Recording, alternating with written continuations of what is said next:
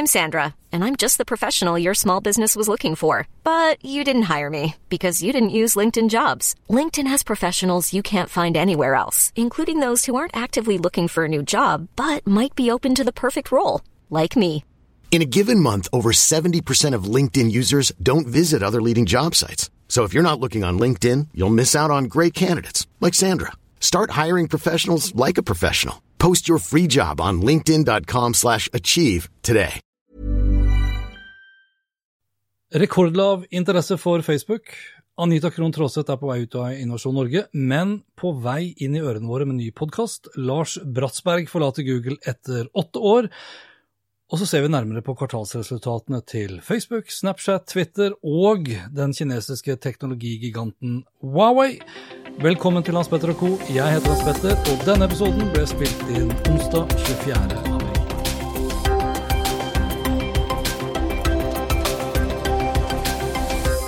Som dere sikkert uh, la merke til, eller muligens la merke til, så tok jeg meg fri fra både blogg og YouTube og podkast, og gikk all in på å feire påsken med gode venner og uh, ikke minst min nærmeste familie. Men nå er jeg altså tilbake igjen med nye episoder hver onsdag og lørdag. Og selv om de fleste av oss har nytt påskeferien enten i byen eller ved sjøen eller på fjellet, så har det jo ikke vært stille på nyhetsfronten, og verden har dessverre heller ikke vært helt fri fra negative hendelser, som f.eks. da Notre-Dame begynte å brenne 16.4, og nyheten som mange av oss våknet til første påskedag, da terrorister hadde gått til angrep på kirker og hoteller i Sri Lanka. Så mine tanker går til alle dere som har blitt direkte eller indirekte berørt av terroristenes udåd. Men det er også andre ting som har skjedd, som jeg ikke skal gå altfor mye inn på, som f.eks. da den diskusjonen, disputen eller krangelen som har herjet rundt det alternative nettstedet Resett de siste dager. For det har jo handlet da om selskaper som velger å boikotte nettstedet ved å svarteliste Resett fra Google Ads eller Google AdSense. Og hvordan du gjør det, det skrev jeg faktisk om allerede i januar 2017, og lenke legger jeg ut under bloggposten for denne episoden her. For alternative eller falske nyheter, det er uansett greit, mener nå jeg, da, for annonsører å ha et aktivt forhold til hvilke nettsteder de ønsker å finansiere, for det er det de gjør når de har annonser på nettsteder. På samme måte som det er også veldig klokt å ha et strategisk forhold til hvilke nettsteder og nyheter de ønsker å bli assosiert med. Og nå er det ikke bare norske annonsører som har valgt å sette foten ned for Resett. Dagens Næringsliv meldte 23.4 at Google selv har valgt å blokkere Resett for brudd på deres retningslinjer. Og Her skriver DN at annonsekontoen til Resett er blitt deaktivert som en følge av brudd på AdSense sine brukervilkår. Bruddet som oppgis i den mailen DN har fått tilgang til, er en oppfordring til leserne om å trykke på annonser, for da tjener Resett penger. Helge Lurås, redaktøren hos Resett, sier til DN at han antar at annonsenes forsvinning har sammenheng med de siste dagers medieoppslag. Det tror ikke jeg er tilfellet, for det er direkte brudd på de retningslinjer og regler som gjelder når og hvis man ber leserne om å klikke på annonsene.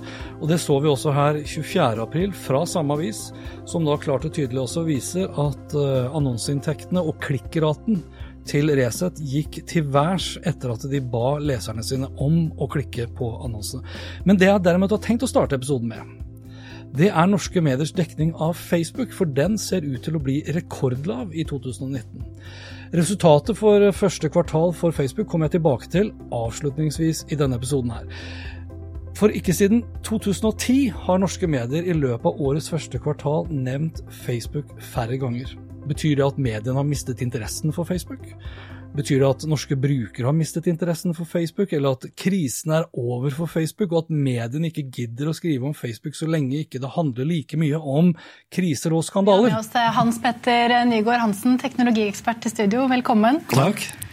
Nå har det vært mye skandaler for Facebook det siste året. Hvordan, hvordan har det gått, syns du? Eh, for Facebook sin del, sånn rent økonomisk, så har det jo gått strålende. Eh, for tilliten er det noe annet. For eh, annonsører og for brukere så, så virker det nesten som om Facebook har liksom klart å oppheve tyngdeloven. Mm. Og det vitner nok litt om, eller det vitner egentlig veldig mye om den maktposisjonen de har, og vårt eget avhengighetsforhold til den plattformen. Mm. Hva er det Facebook har gjort feil? Det du hørte her var fra TV 2 Nyhetskanalen, hvor jeg gjestet åtte 15.2 for å snakke om veien videre for Facebook. Eh, vi snakket om skandaleåret 2018 og det at Facebook nå ønsker å bli mer åpne fremover. Og så langt i år har kanskje strategien funket. Facebook har kanskje innsett alvoret, og innsett ikke minst hvilke ansvar som hviler på skuldrene deres. Antall skandaler har gått kraftig ned. Facebook selv har kommet frem til den konklusjonen at de ønsker å bli regulert, frivillig eller ufrivillig, og at fremtiden for internett verden over ligger i retningen av den GDPR-tilnærmingen vi her i Norge og resten av EU og EØS har måttet forholde oss til nå i snart et år. Og med et mer ansvarsfullt Facebook og færre skandaler, så faller kanskje også interessen for mediene å skrive og snakke om Facebook. Det kan iallfall se ut slik, hvis man ser på antall ganger Facebook har blitt nevnt i norske medier i løpet av årets første tre måneder. Og jeg har hentet ut da statistikk, eller oversikt hvis du vil, fra medieovervåkningstjenesten Retriever, som viser da en rekordomtale av Facebook i løpet av de første tre månedene. Og Jeg kommer tilbake til tallene, men et av de viktigste nyhetskriteriene til mediebransjen det handler om aktualitet. Desto større aktualitet, desto større medieinteresse. Og Det skyldes enkelt og greit at mediene er opptatt av å skrive om det vi, det vi som publikum er opptatt av å lese om. Og Hvis mediedekningen kan si noe om populariteten til et selskap, en vare eller en tjeneste, ja, så ser det ut som Facebook sliter i motbakke.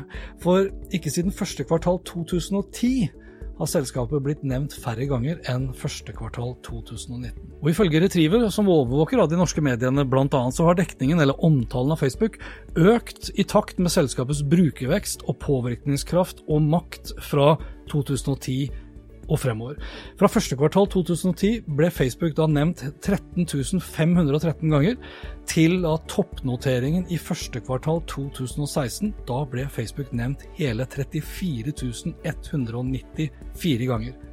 Men mens omtalen frem mot det amerikanske presidentvalget og britenes EU-valg i stor grad handlet om økning i antall brukere, veksten i antall annonsekroner, Eh, både for norske og utenlandske selskaper som da i økende grad plasserte sine annonsekroner hos sosiale mediegiganten, så har narrativen hvis du vil, i økende grad de siste årene handlet om misbruk, manglende personvern, manipulering av valg, hatprat, netthets, drap som blir kringkastet live, og et økende press på hvordan Mark Zuckerberg og selskapet hans bør opptre ansvarsfullt. Selv om norske medier ikke skriver like mye om Facebook som før, så behøver jo det selvsagt ikke bety at plattformen er i ferd med å miste sin popularitet. Og det er sikkert mange som husker fortsatt da rapporten fra Princeton i 2014. Og den rapporten spådde, pga. nedgang i antall søk etter Facebook, at plattformen ville miste 80% av brukerne sine innen 2017. Fasiten derimot var at antall brukere vokste fra ca. 1,3 milliarder brukere ved inngangen av 2014 til over 2,1 milliarder ved utgangen av 2017. En vekst på over 60% ikke en nedgang på 80% Det kan også være at norske medier ikke gidder å skrive like mye om Facebook som før, rett og slett fordi plattformen har blitt en integrert del av stort sett alle som leser norske aviser, av alle nordmenn eller at ikke de føler seg like truet som tidligere, ettersom norske medier i økende grad satser på digitale abonnementsinntekter, etter å ha mistet store deler av annonseinntektene i løpet av de siste tiårene til nettopp Facebook. Mediedekningen trenger heller ikke å si noe som helst om populariteten til en vare, et produkt eller en tjeneste, eller ta, ta f.eks. TikTok. da altså den gamle musikktjenesten, hvis du vil, som, ble, eh, som tidligere het da Musically, eller musikktjeneste, sosiale medier-app, hvor man da mimer og aper etter musikk. Antall nedlastninger av TikTok-appen vokste raskere mot slutten av 2018 enn Facebook, Instagram, Snapchat og YouTube.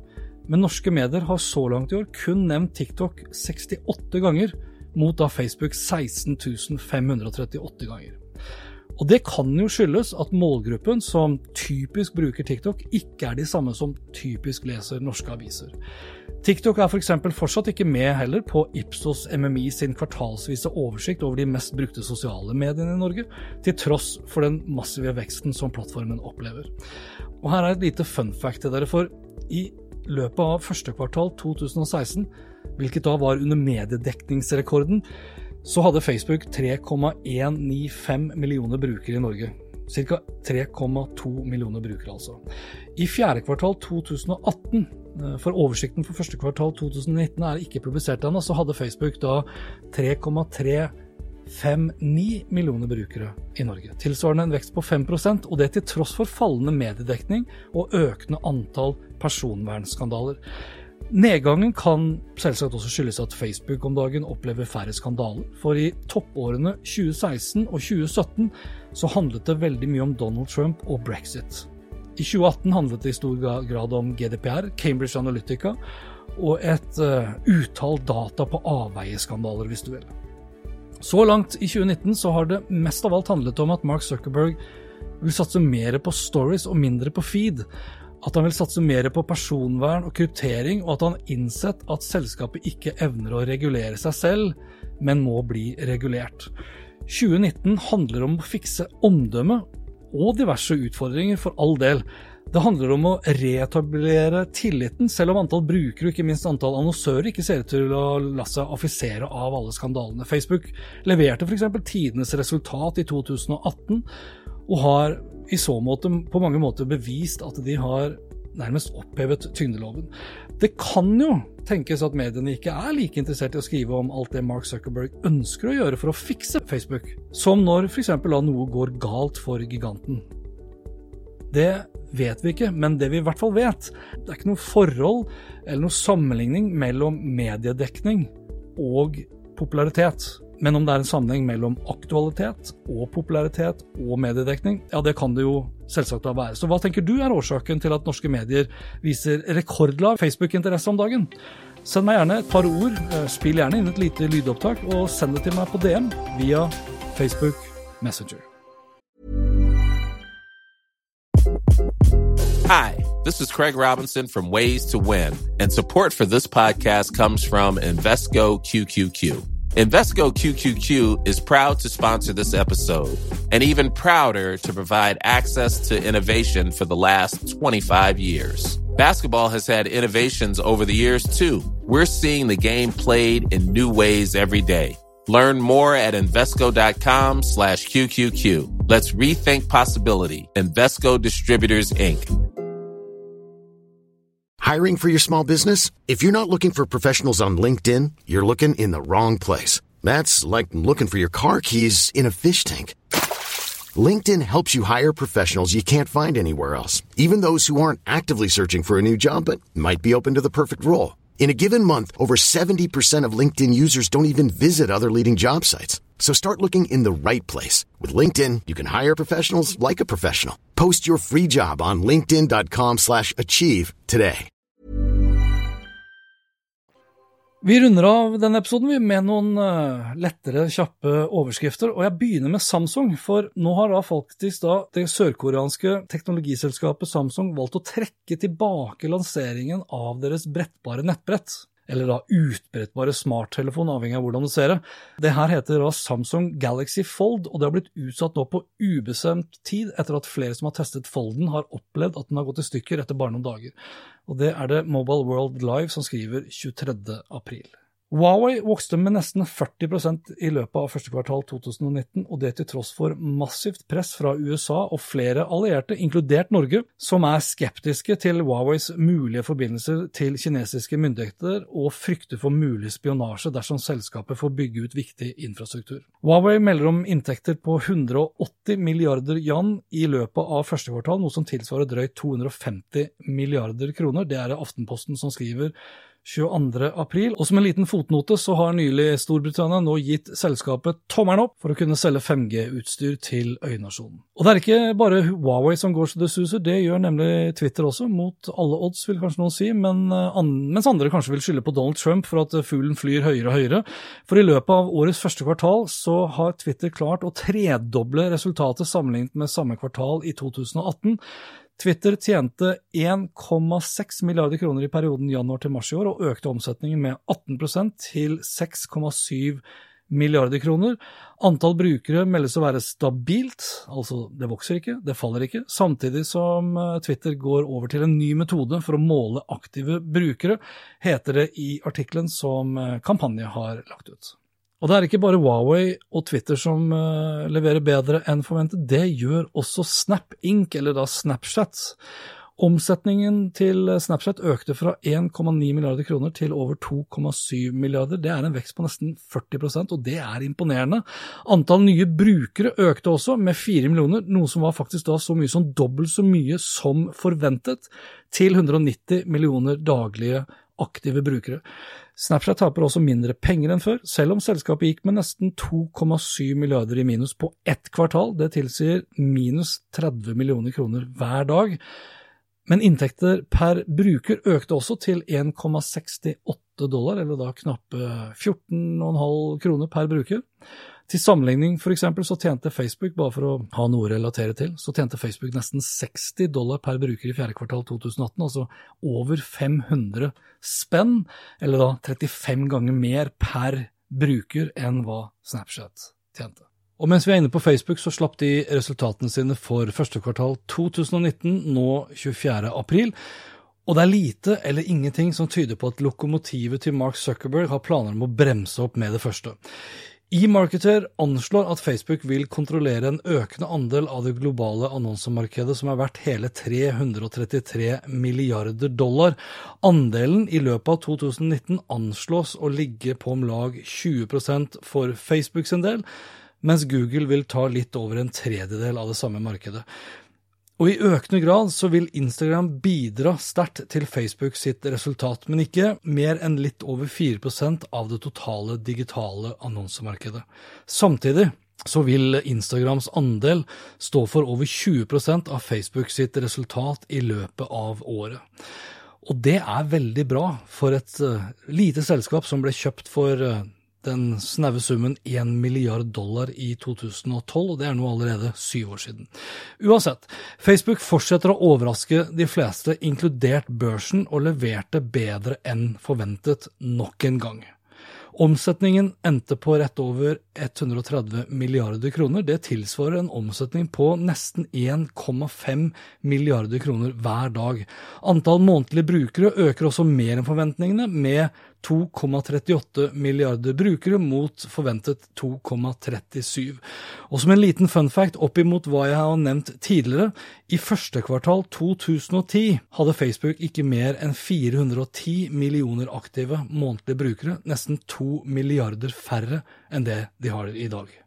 Google-veteranen Lars Bratsberg han slutter etter hjemkomst fra Google sitt kontor i Hongkong. Han velger å slutte i Google for å bygge opp Growth Tribe i Norge, skriver Kampanje 23.4. Growth Tribe ble startet i 2015 og er en teknikk og et verktøy for å identifisere og skape vekst i bedrifter.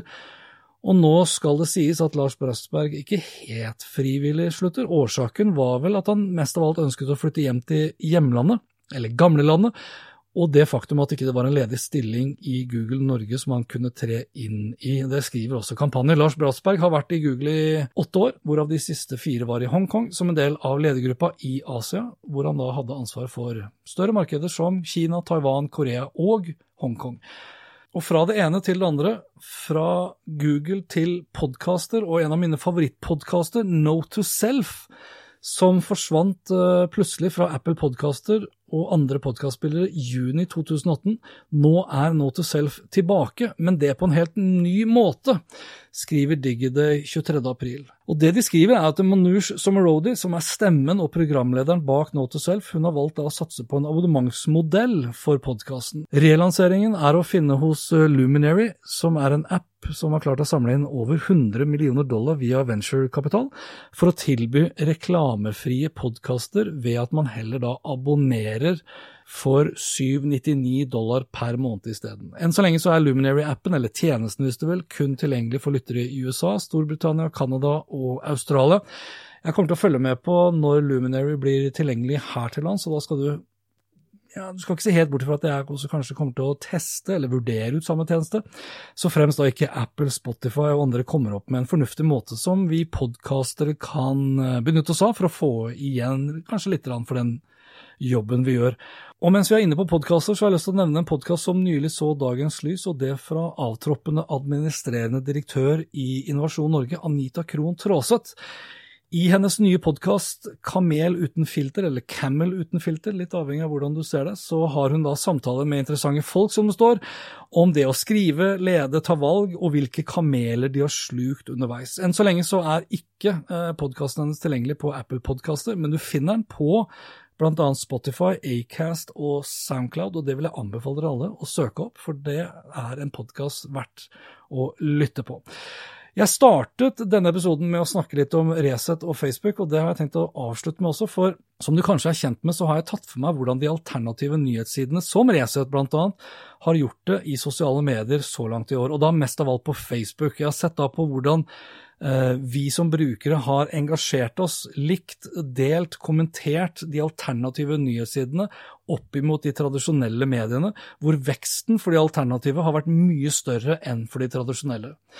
Samtidig så vet vi også fra tidligere undersøkelser at svært mange av oss, så mange som syv av ti, liker, kommenterer og deler nyheter i sosiale medier uten å ha lest dem. Vi ser på overskriften, ingressen, bildet, og kanskje noen kommentarer, og engasjere oss på bakgrunn av det. Og det har Facebook nå bestemt seg for å slå kraftig ned på, for å kvitte seg med alt av det rælet og de virale det er jo ikke clickbait engang, fordi du klikker ikke inn på det, du bare går videre. Tiltaket har de valgt å kalle for clickgap og har blitt eh, lansert eh, globalt allerede. Og Med ClickGap så vil Facebook da se på forholdet mellom antall lenker til en nettside fra Facebook med det generelle internettet. I tilfeller hvor det er stor forskjell, altså vi har delt og lenket tilbake til en nyhet, f.eks. fra Resett, men det er få lenker og det er få sidevisninger fra internett generelt inn på den samme artikkelen på det samme nettstedet. Hvis det er stor forskjell der, så vil Facebook aktivt begrense nettsidenes rekkevidde. Litt sånn på samme måte som Google i årevis har valgt å indeksere sin søkemotor. Wired skriver at ClickApp kan være dårlige nyheter for nettsteder som optimaliserer innholdet deres for å gå viralt på Facebook.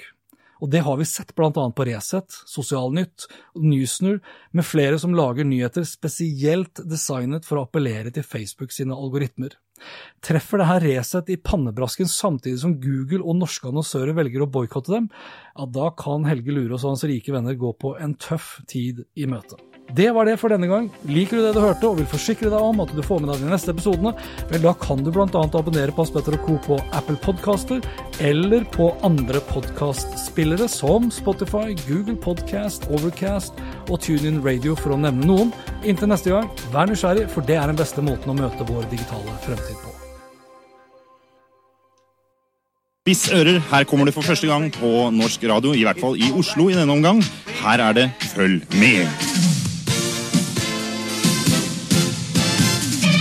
Reklamefesten i norsk nærradio er i gang, og deler av den betales av Coca-Cola. Markedsførerne bak den populære leskedrikken mener norske nærradioer er fornuftig å satse på. Her finner de målgruppen ungdom i alderen 15 til 25 år.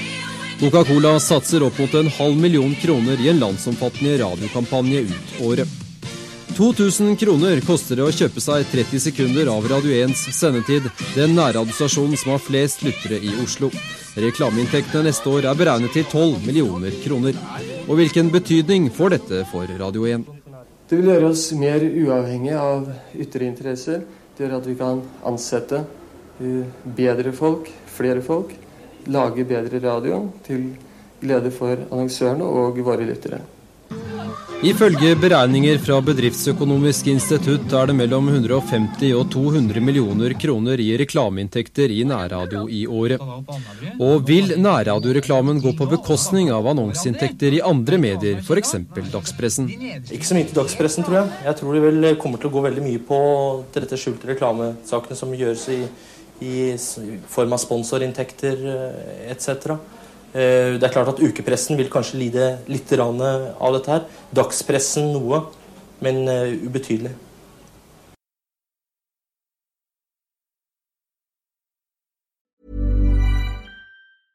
Step onto the legendary clay courts of Roland Garros, where the world's best players battle it out at the French Open for a chance to win a Grand Slam title. Tennis Channel Plus is your place to watch. Stream every court from your phone or smart TV live in HD. See the action unfold as legends fight for glory and new rivalries emerge. Daily live coverage begins Monday, May 20th, with match replays on demand so you never miss a moment. From the first serve to the final point, Roland Garros promises unforgettable moments and new chapters in tennis history.